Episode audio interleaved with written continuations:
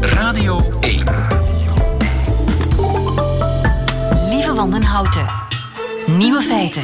Dag, dit is de podcast van Nieuwe Feiten, geïnspireerd op de uitzending van 14 januari 2020. In het nieuws vandaag dat de enerverende fitnessdeun verleden tijd is. Dus bye bye Jane Fonda. Stand with your feet together, buttocks tight, stomach pulled in, and arms straight out to the side, shoulder height.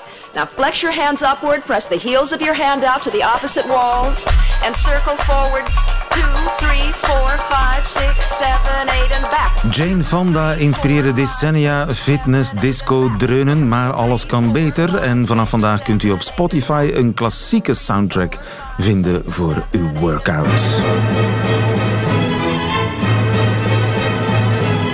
En back. Mendelssohn is uitstekend geschikt voor de crossfit. Of voor de durvers is er Stravinsky.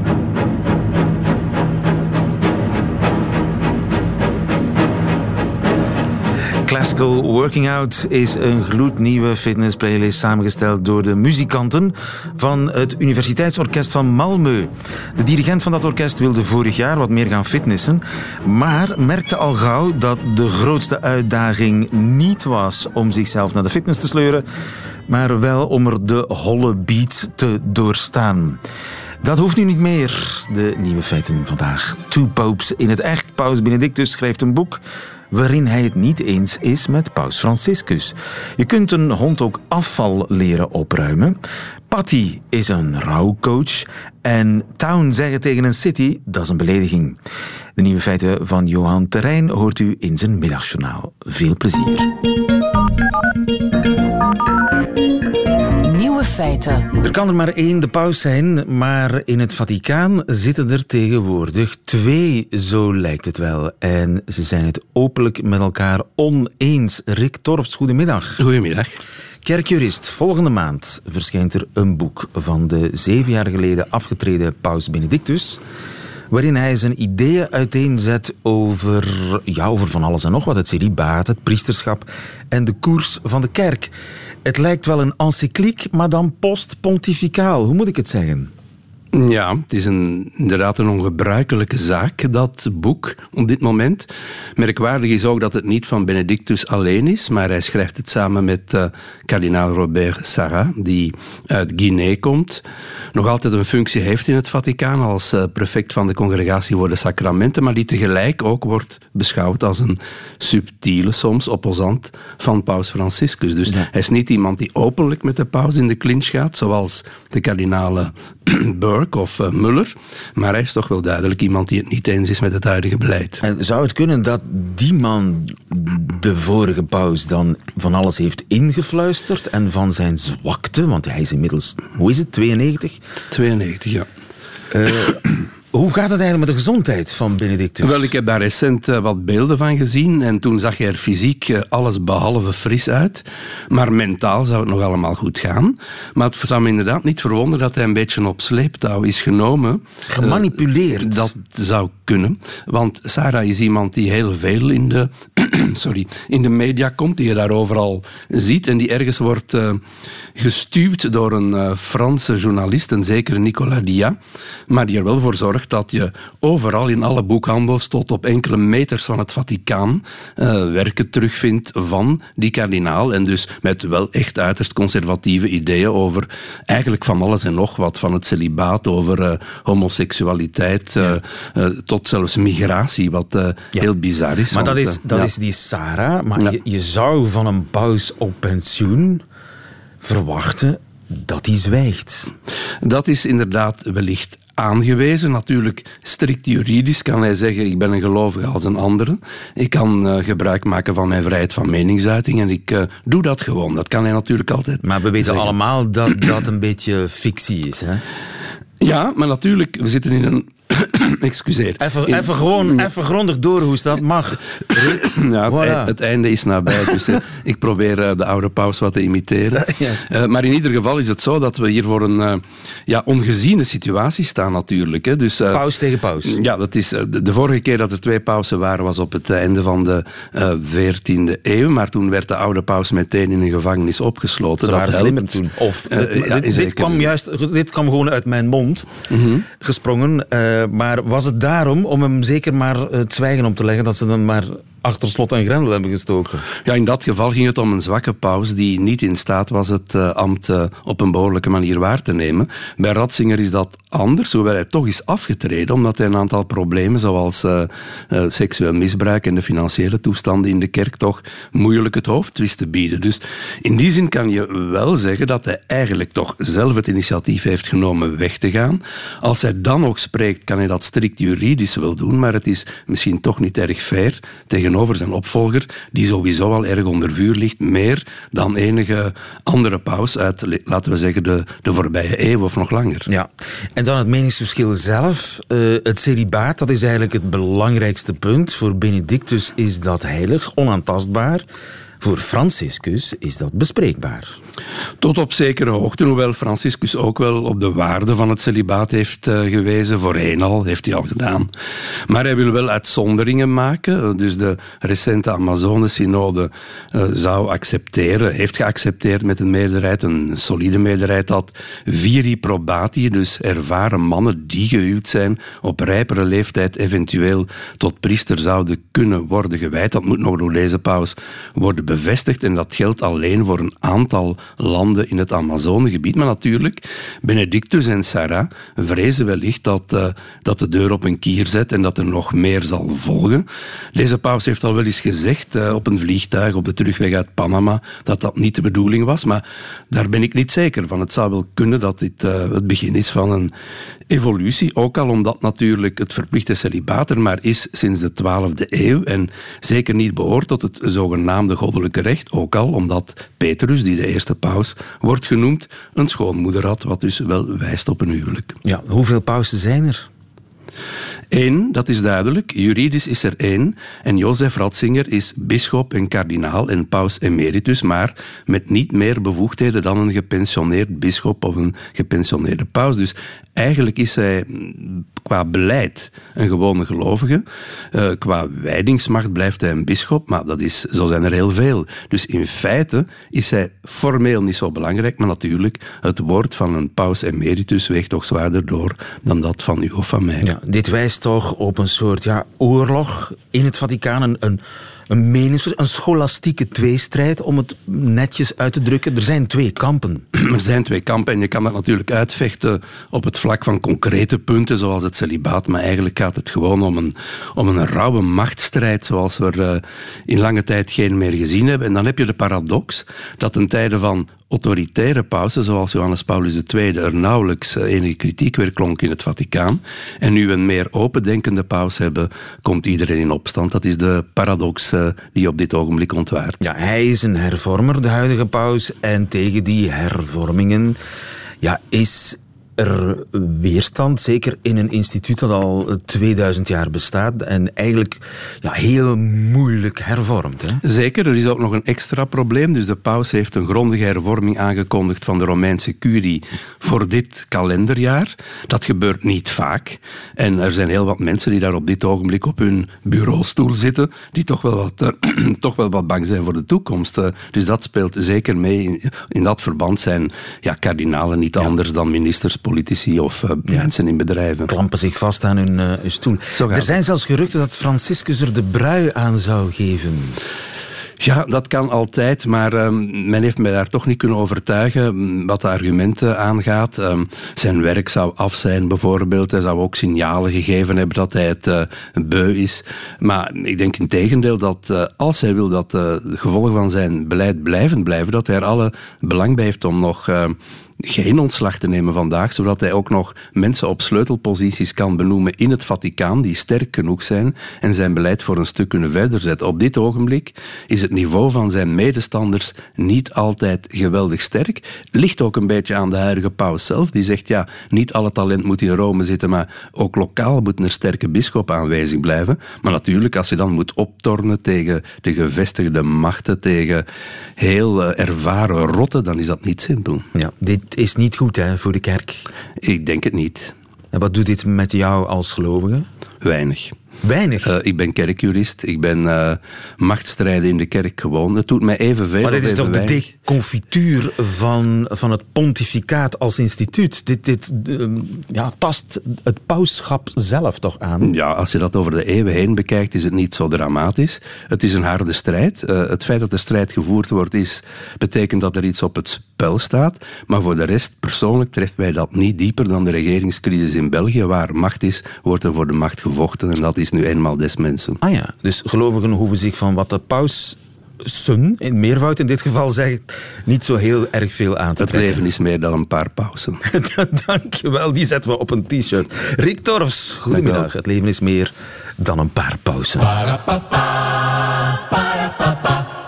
Nieuwe feiten. Held van de dag is Alex van Hek, of liever gezegd, zijn hond. Dag Alex, goedemiddag. Goedemiddag. Hoe heet die, je hond?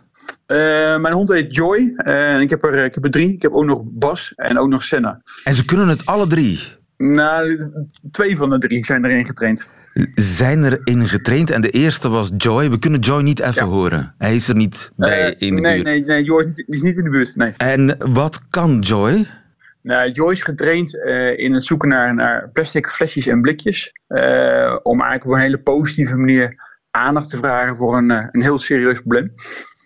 Je hebt je hond geleerd om afval op te halen. Ja. Hoe slim? Hoe kwam je daarbij? Ja, dat...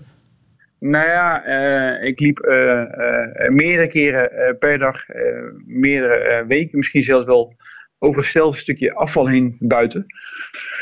En me eigenlijk elke storend aan een flesje of een blikje wat er lag. en me ook afvragen waarom raadt niemand dat op. En ik heb eigenlijk nooit gerealiseerd dat ik die iemand wel zou kunnen zijn. Uh, dus in plaats van dat je elke dag aan loopt te storen, kan je het ook gewoon een keer meenemen.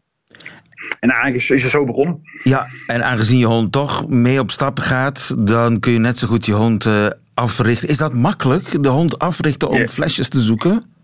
Daar, het hangt een beetje van je hond af.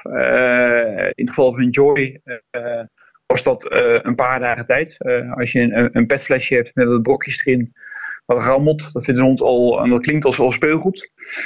En dat gooi je weg. In plaats dat je een bal weggooit, gooi je een petflesje weg. Uh, en zo leer je het eigenlijk heel snel leert aan. Uh, En als hij het dan terugbrengt, krijgt hij dat brokje dat in uh, de petfles zat te rammelen? Ja, ja, en daarmee als je de hond al heel snel terugbrengt van het flesje met de beloning.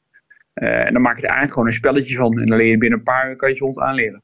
En ook al zit er geen brokje in de fles, dan gaat hij die fles toch zoeken. Nou, inmiddels is, is het vinden van de fles de beloning. Het is eigenlijk gewoon een soort jachttraining. Mijn honden jagen op, op afval. En, en uh, de wereld ligt vol met speelgoed voor mijn honden. Dus elke als ze wat vinden, zijn ze eigenlijk trots en blij. Dus ik hoef ze niet meer te belonen met een koekje. Het, het, vinden van een blikje of een flesje is eigenlijk de beloning. En dan zie je dat die honden eigenlijk gewoon trots zijn dat het weer gelukt is. Uh, ja. Want ze hebben een, een, een prooi gevonden. En hoeveel afval verzamel je zo op de gemiddelde wandeling? Uh, nou, in mijn eigen omgeving ligt gelukkig niet zo heel veel meer. Dus dat is een kwestie van bijhouden inmiddels. Uh, in het weekend trekken wij erop uit uh, met de honden. En dan halen we eigenlijk per weekend uh, tussen de 1 en 3 vuilniszakken aan afval ruimen op met de honden. Jeetje, en dat moet je dan ook zelf allemaal meesleuren natuurlijk. Nee, dat is vaak ook de reden dat we stoppen, omdat ik drie vuilniszakken, dat kan ik meer tillen. en dat wandelt een beetje lastig. zeker, zeker. Het, het, is wel wat zwaar. Maar dan vanwege logistieke problemen stoppen we naar drie vuilniszakken. Uh, het is niet dat het dan allemaal weg is, maar dan is het gewoon wel vol. Uh, ja, en, je, en je, je, je, vraagt je af, als elke hond in België, Nederland, ter wereld, daarop getraind zou zijn, dan is de wereld in één klap proper. Ja, nee, kijk, ik weet niet hoeveel honden er in België zijn. In Nederland zijn er Genoeg. bijna 2 miljoen honden. En die gaan vier keer per dag, vijf keer per dag naar buiten. Stel je voor dat tijdens het uitlaten iedereen tijdens uitlaten nou één stukje zwerfval pakt dan praat je in Nederland al over 8 miljoen stukjes zwerfval per dag. Uh, als je je hond ook traint en je neemt alle twee wat mee, dan praat je over 16 miljoen stukjes. zwerfafval per dag. Krankzinnig. Ja, De simpelste eh, ideeën zijn de beste, Alex. En Ja, eh, dank u. kunnen je honden alle soorten afval, of is de ene hond gespecialiseerd in blikjes en de andere in petflessen? Hoe zit dat? Ja, ja Joy is, eh, is getraind in petflesjes. En Bas is getraind in het zoeken naar Red Bull. Dan vinden Red. Bull. Ja, dus Bas is geobsedeerd door de lucht van Red Bull. Stinkt, hè? En, kan op, eh, en kan op een enorme afstand kan die eh Red Bull eh, al ruiken. Kan dat is ik natuurlijk best ook. wel sterke lucht. Ja. Dus eh, ze, hebben, ze hebben eigenlijk altijd hun eigen specialiteit. Ehm, maar ze nemen alles mee. Eh, ook Joy neemt ook blikjes mee. En ook Bas neemt wel flesjes mee. Alleen ze zijn net even iets anders getraind. eh, om op weer op een andere manier naar spraakmaker te zijn. En aandacht te vragen voor, eh, voor ons werk. Ja, maar eigenlijk doe je toch, pak je dan niet het werk af van de vuilnisophalers? Of van, van de, dat is een beetje, het zijn mensen die het een, slaaf, een vorm van slavernij vinden, las ik op Twitter. Ja, dat las ik ook, ja. ja nou ja, daar ben ik het niet helemaal mee eens. En eh, wat ik ook vaak hoor van mensen is van... eh, het, het is niet mijn verantwoordelijkheid, het is niet mijn afval. Ja, dat kan. Wat eronder ligt, onder het afval... dat is namelijk wel van jou en van mij en voor iedereen... is namelijk wel onze wereld. Ja, je kan wachten tot de overheid het opruimt... eh, maar wij zijn ook de overheid. Dus eh, als we met z'n allen willen dat de overheid heel veel geld gaat uitgeven... aan het opruimen van onze afval... Ja, als iedereen eens een keer wat meeneemt, dan kan de overheid zich geld besteden aan dingen die, die echt belangrijk zijn. En niet het opruimen van onze troep. Dus ik denk dat de verantwoordelijkheid is van iedereen eh, om te zorgen dat de, nou, de aarde eh, schoon en woonbaar blijft. Ja, je hebt toch een stichting opgericht, wat doet die? Ja. Nee, we hebben stichting Enjoy Cleaning Up. eh, en wij proberen eh, opruimen weer leuk te maken. Eh, het is ook hartstikke leuk met je hond. Dus wij geven voorlichting en we proberen hondeneigenaren te inspireren over de wereld om het ook te gaan doen. Inmiddels kent de stichting eh 300 honden die eraan meedoen eh, in 12 landen. Ehm ja, een hond die meedoet is voor ons een lokale held. Het is een, be- een begin. Als ik eh, begin, ja. van mijn hond ook een, eh, een held wil maken, dan kan ik bij die stichting terecht voor voorlichting. Dankjewel en eh, veel succes. We gooien je gegevens en hoe mensen jou kunnen vinden, we gooien dat op ons internet. Alex van Helemaal geweldig. Goedemiddag. Super bedankt. Radio 1. Er is een coach voor alles tegenwoordig, behalve voor sterven en afscheid nemen. Dat doen we zonder coach. Maar nu is er de rouwdoula.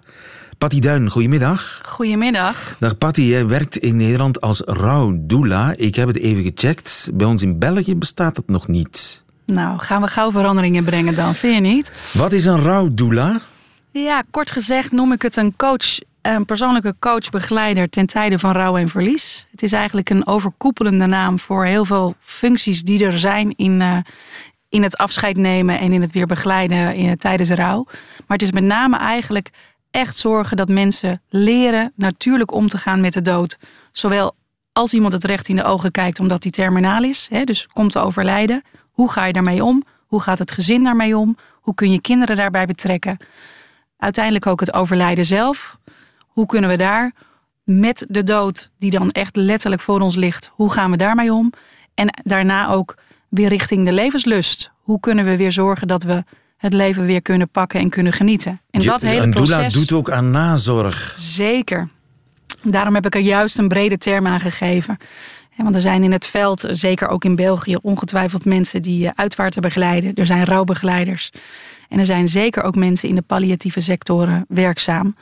Maar juist iemand die dat hele proces achter de schermen meeloopt en daar begeleidt, terwijl het zich voordoet eigenlijk, om te voorkomen ja, dat er misschien dingen stuk gaan die niet hoeven stuk te gaan.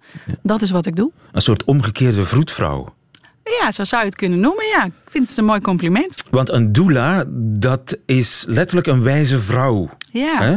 ja een wijze, En- dienende vrouw, klopt. En het, is, het staat zelfs hip tegenwoordig om een doula bij je bevalling te hebben. Ja, ik heb het begrepen. Ja, ik heb er zelf nooit een mogen ervaren. Maar wellicht had dat eh, met de bevalling van onze... Dat, ik, wij kregen een tweeling. Had het best een eh, aangename, welkome aanvulling kunnen zijn. En oh, hoe heb jij het vak geleerd? Nou, het is met name... Kijk, het, het vak... De, ik, het rouwdoula is eigenlijk een, een term voor heel veel beroepen bij elkaar. Dus ik heb een coachachtergrond, ik heb een coachopleiding, gezinscounseling, uitvaartbegeleiding, rouwbegeleiding, mediation en eigenlijk dat allemaal bij elkaar. Ehm, ja, daar geef ik de term rouwdoelen aan. Want Ja. anders is het niet uit te leggen wat je doet. Ja, het is een soort priester voor ongelovigen. Nou, dankjewel. Nee? Ja, nou ja, ik, ik vind het wel mooi, want met het terugtreden van de kerk, ik weet niet hoe dat in België is, maar Nou. de kerk treedt natuurlijk iets meer terug. Daar had je vroeger natuurlijk gewoon een geestelijke, hè, of iemand die bij je thuis kwam, die gewoon met je ging praten over, joh, hoe, hoe, sta je ten opzichte van het sterven? Wat kan ik je, hoe kan ik je helpen? En in ieder geval de gesprekken daarover te voeren. Ja, en die zie je wel in de huidige maatschappij, dat dat minder wordt gevoerd. De dood moet ergens achter de schermen. De dood mogen we niet aanraken, dat is eng, is ongemak. En, ehm, nou En ja, dat is dus niet goed. Je moet hem gewoon recht in de ogen kijken. Je moet hem een plaats geven. is, nou ja, het is mijn mening in ieder geval dat hij erbij hoort. En of een plaats geven, die term vind ik altijd lastig. Ik denk dat je er vooral mee moet leren dealen. Dat hij er is. En hoe gaan we daarmee om? En dat is een, eh, ja, en soms is hij heel erg dichtbij. En hè, als, je, als, als je iemand verliest, dan kan er een periode heel heftig verdriet zijn. Eh, vervolgens voel je je weer iets beter. Maar op het moment dat er van die mooie levensmomenten zijn, als kinderen krijgen, trouwen, eh, kleinkinderen krijgen, verliefd worden weer opnieuw. Ja, dan kan die rouw opeens weer heel erg binnenkomen. Er is natuurlijk wel een enorm verschil tussen een, een oude moeder die je moet eh, verliezen, omdat die ziek is en oud en versleten en heel langzaam uitdooft. Dat heb ik zelf meegemaakt. Ik bedoel, dat, dat, Ja. dat gaat als het ware vanzelf. Dat zijn hele treurige momenten, maar dat zijn ook hele mooie, grootse momenten. Zeker. Die je samen met de familie rond het sterfbed beleeft. Dat lijkt mij helemaal iets anders. Maar wat zeg je tegen, tegen ouders die hun kind verliezen? Ja. Dan zeg ik, wat een keihard feit. Maar we hebben, hij ligt er en we moeten ermee verder. En hoe gaan we dat doen? En blijf in gesprek. En door juist de taboes die dan onderling vaak komen... Hè, van ik wil mijn vrouw sparen... of het, het, het feit dat iedereen dat op zijn eigen manier eh, beleeft... Ja, daar moet je het met elkaar over hebben. En het, het is een keihard feit. Ik kan de dood niet veranderen. Ik kan het feit dat hij komt niet veranderen. Maar ik kan wel mensen begeleiden in hoe we daarmee omgaan. En dat is eigenlijk door, in het diepe, ik zeg altijd een zwembad vol emoties, maar duik erin. Want je moet er doorheen. Wil je leren omgaan met de dood die in je leven is gekomen. En bied je dan ook hulp bij hele concrete dingen? Van ja, je, je moet naar die begrafenis. Hoe, hoe, hoe gaan we dat aanpakken? Wat ga ik vertellen? Wat moet ik zeggen? Ja, zeker. Ik begeleid, ik, ik, begeleid ook de uitvaarten zelf. Die, die organiseren wij ook. Hè. Dus dan stap je in de rol van begrafenisondernemer. En ehm, ja, ik begeleid juist heel die gezinnen de, de week. Hè, als, jij noemt het voordeel van een, een kind wat overlijdt. Stuk verschrikkelijk. En alle dagen na het overlijden hebben een functie. Eh, kunnen, kunnen mensen weer wat adem geven. En zo groeien zij toe naar de dag dat ze fysiek afscheid moeten nemen van hun kind. Ehm, en op dag één zeggen ze, ik kan nooit iets zeggen. En op de dag zelf staan ze daar, nou heel vaak zelfs te stralen van trots. Want dat is er ook. Hè. Het is niet alleen het kind wat is overleden. Het is ook het kind wat er heel lang, of dat nou een dag of vier maanden of twaalf jaar is. Hè, welke leeftijd dan ook. Ehm, het heeft ook heel veel gebracht. En ik probeer heel erg de focus te leggen op, ja, op het leven. Ook op het leven wat er dan misschien niet meer is. Maar wel wat is geweest. Ja, je moet er doorheen. Geen en dat taboes. geeft heel veel ouders kracht ook. Ja. En dan natuurlijk ouders die zelf eh, terminaal ziek worden met jonge kinderen. Dat is ook een hele moeilijke situatie, toch? Hè? Ja. Dat, dat is een schrijdende situatie. En zeker in mijn leeftijd eh, kan ik me er alles bij, eh, bij indenken. Ehm, maar ook daarbij geldt weer hoe betrek je die kinderen erbij. Hè? Vanuit liefde zijn ouders vaak van nou, we, we zeggen het maar niet. Of, maar kinderen voelen alles, intuïtief, ze weten het. Dus hoe eerlijker, hoe feitelijker je bent tegenover je kinderen, hoe beter zij leren om te gaan met het verdriet waar ze voor staan. Je kunt dat verdriet niet bij ze wegnemen. We moeten dat als ouders ook niet bij de kinderen willen wegnemen. We moeten ze leren dat het bij het leven hoort en hoe we daarmee om kunnen gaan. En dat daar heel veel verdriet bij hoort, maar dat er ook in die periodes eh, het leven ook gewoon doorgaat. En dat er ook gelachen mag worden. Ja. En dat is waarin ik ouders soms ja, probeer te begeleiden. Ja, ouders, maar ook vrienden en kennissen, familie. Want ja, hoe, Klasgenootjes, hoe, ja. ga, hoe ga je daarmee om? Ja, maar dat is juist eigenlijk wat, wat ik in mijn werk eh, probeer te doen. Hè, is het begeleiden van het hele systeem, om er maar even een professionele term in te gooien. Hè. Dus de hele groep die het betreft. Ouders, families, de sociale kring, de klas, eh, de sportverenigingen. er gebeurt zo ontzettend veel. En, en daar moet ook oog voor zijn. En dat is eigenlijk ja, waarin ik probeer het, ehm, het bespreekbaar te hebben, te houden en mensen met elkaar tot elkaar te brengen. Patty Duinen als rouwdoula bezig. Mag ik je daar uh, nog veel sterkte en succes bij wensen? Dankjewel. Zeker, dank, Patty Duin. Dankjewel. Nieuwe feiten.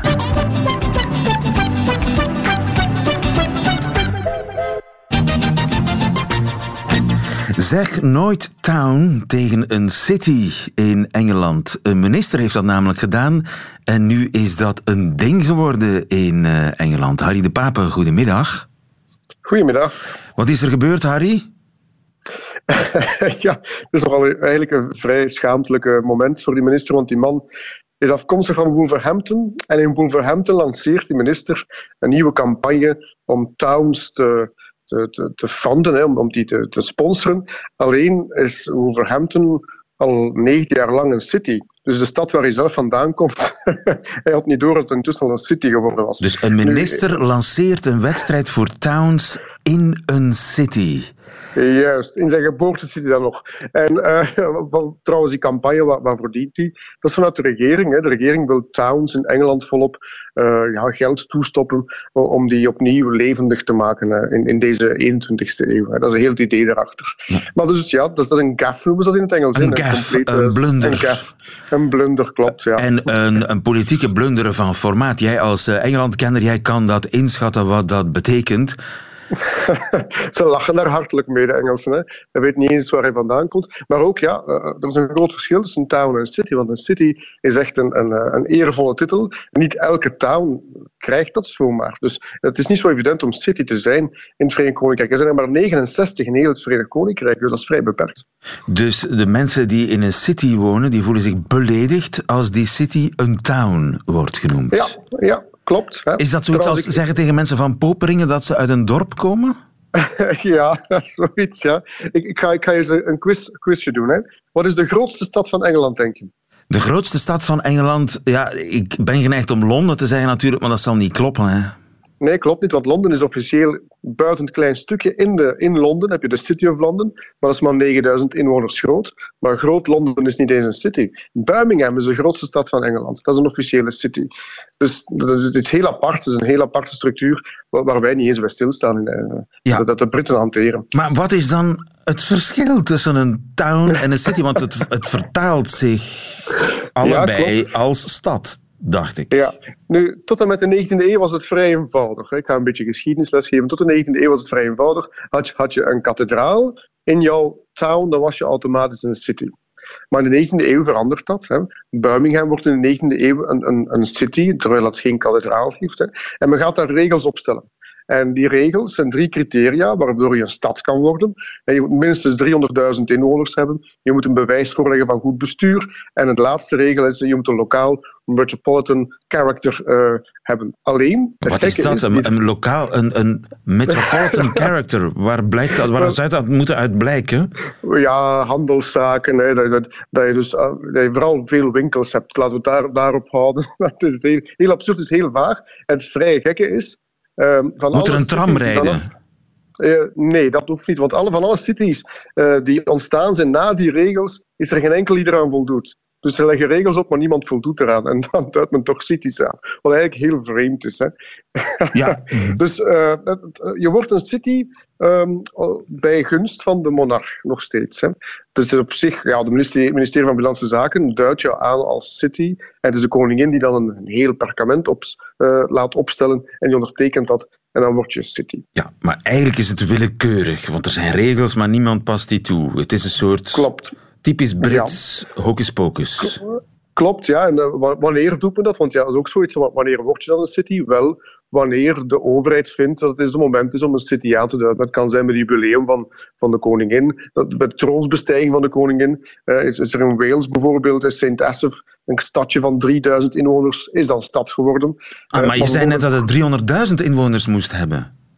Ja, ja, dat was maar 3000. Hè. Uh, in 1995 heb je uh, St. David's in Engeland, heeft maar 1600 inwoners. Is een city. city. Voilà. Terwijl Croydon bijvoorbeeld, Croydon ligt niet ver van Londen, telt meer dan 300.000 inwoners en is al sinds de jaren 50 aan het proberen om city te worden, maar wordt het maar niet. Ja. Why not? Ja, daar is geen antwoord op. Ze weten het zelf niet. Dus, als je, dus het bestuur Because we're in Britain. ja, Zoiets. Dus dat is heel vreemd, hè? Heel vreemd. Rochester trouwens, een ander verhaal. Rochester was een city, historisch, sinds de 11e eeuw. En is die titel kwijtgeraakt in 1998. Ah, je kunt, je kunt ook stoppen met city zijn. Ja, en dat is per ongeluk gebeurd. Per ongeluk. Ja, Rochester, ja, Rochester besloot om te fusioneren met een andere eh, bestu- bestuurlijk gebied. En in dat, die bestuurlijke heromwenteling is men vergeten een formulier in te vullen, waardoor het city kon blijven. En vandaag is Rochester een, een town met een kathedraal en een romantisch kasteel, maar het is geen city meer. Ja, en men- mensen vinden dat zelf ook, want eh, in de praktijk is er geen verschil. Je krijgt geen extra pakketje voordelen als je plotseling city wordt. Het, het geeft een zeker aanzien, het, het trekt ook bedrijven aan, zeggen de cities dan. Het, het zorgt ervoor dat je commercieel interessanter wordt. Het is een soort Eh, adelstand. Ja, eigenlijk. Ja. Het komt daarop neer. Een soort adelstand onder de towns. Hè. Eh, trouwens, towns, je hebt towns, maar je hebt dan ook nog steeds eh, de parishes. Die bestaan ook nog. Hè. Zijn parish, parochies. Die kunnen town worden. Dan heb je nog de boroughs. Dat, zijn, ja, dat is nog een soort, ja, ook een dorp, maar een ander soort dorp. Dat Ja. zijn meestal omwalde dorpen. Dat, is, dat, dat zijn ja, allemaal verschillende onderscheidingen die, die onderscheidingen die wij niet kennen Ja. hier eh, in, in, in onze grens. Het is een soort een nomenclatuur, die, een nomenclatuur die je kunt vergelijken met die eh, in de adel. Hè, heb je ook Mhm. burggraaf en hertog Ja, en markies en dat soort dingen, baron. Ja, komt daarop neer. En dat kun je dus ook bij eh, En- steden en dorpen en gemeenten en parochies krijgen in eh, Engeland. Klopt. En, en eh, één regel die er zeker geldt is, er zit geen logica in. Ja, want anders zou het niet chic zijn, hè? Nee, tuurlijk niet. tuurlijk niet. Het hoort zo. En heeft de minister nu al zijn excuses aangeboden aan de citizens van Wolverhampton? Eh, nee, want hij blijft koppig volhouden dat hij het niet zo bedoeld heeft. Ook dat kan in ja, ja, dat, ja, Engeland. Harry de Papa, blijf het voor ons volgen. Dankjewel, goedemiddag. Ja, graag gedaan. Nou.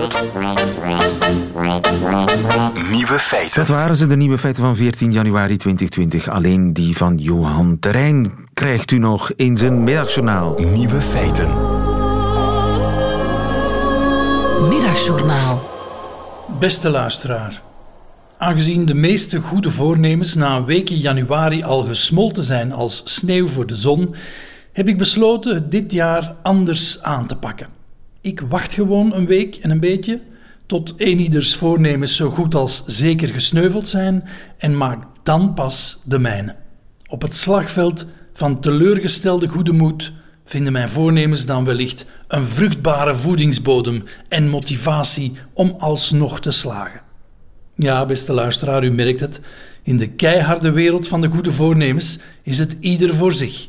Ikke, ikke, ikke en de rest mag zich verslikken en op volgend jaar mikken. Je wil natuurlijk ook niet staan aanschuiven in de file voor het containerpark waar mensen hun goede voornemens al een week na nieuwjaar weer komen afzetten. Zijn ze dat dan, meneer? Ja, mag dat bij het puin? Als je er een puinhoop van gemaakt hebt, wel, hè? Het is trouwens ook opletten geblazen met dat goede voornemen in dit Vlaanderen anno 2020. Wie gewoon dingen doet als stoppen met alcohol drinken, stoppen met roken of wie god betert zijn auto wegdoet, loopt kans dat deze Vlaamse regering hem of haar beschouwt als een belastingontduiker. Verder is het ook kwestie van geen al te grote beogingen na te streven. Ik probeer in kleine stapjes te denken, want volgend jaar is het voor je het weet alweer januari. Ik verdenk al te grote goede voornemens er al jaren van dat ze dienen om mij te bevestigen dat ik er toch niet in ga lukken om van gewoonte te veranderen en dat ik dus maar best gewoon voortdoe. In de hoop dat mijn kans op slagen dus vergroot nu ik een week heb gewacht, deel ik u graag mede waarmee ik vanaf heden komaf maak. Het is een klein voornemen voor mezelf, maar wel een hele grote stap voor het mensdom. Ik ga stoppen met te denken dat ik op social media meningen tegenkom die ertoe doen. Het tragische misverstand dat vrijheid van spreken de anderen verplicht tot luisteren, wil ik zo de wereld uithelpen. Ik ben ervan overtuigd dat als ik minder van andermans gif tot mij neem, dat ik dan zelf een minder giftig mens word. En zo maak ik mezelf een beter mens op de kap van een ander.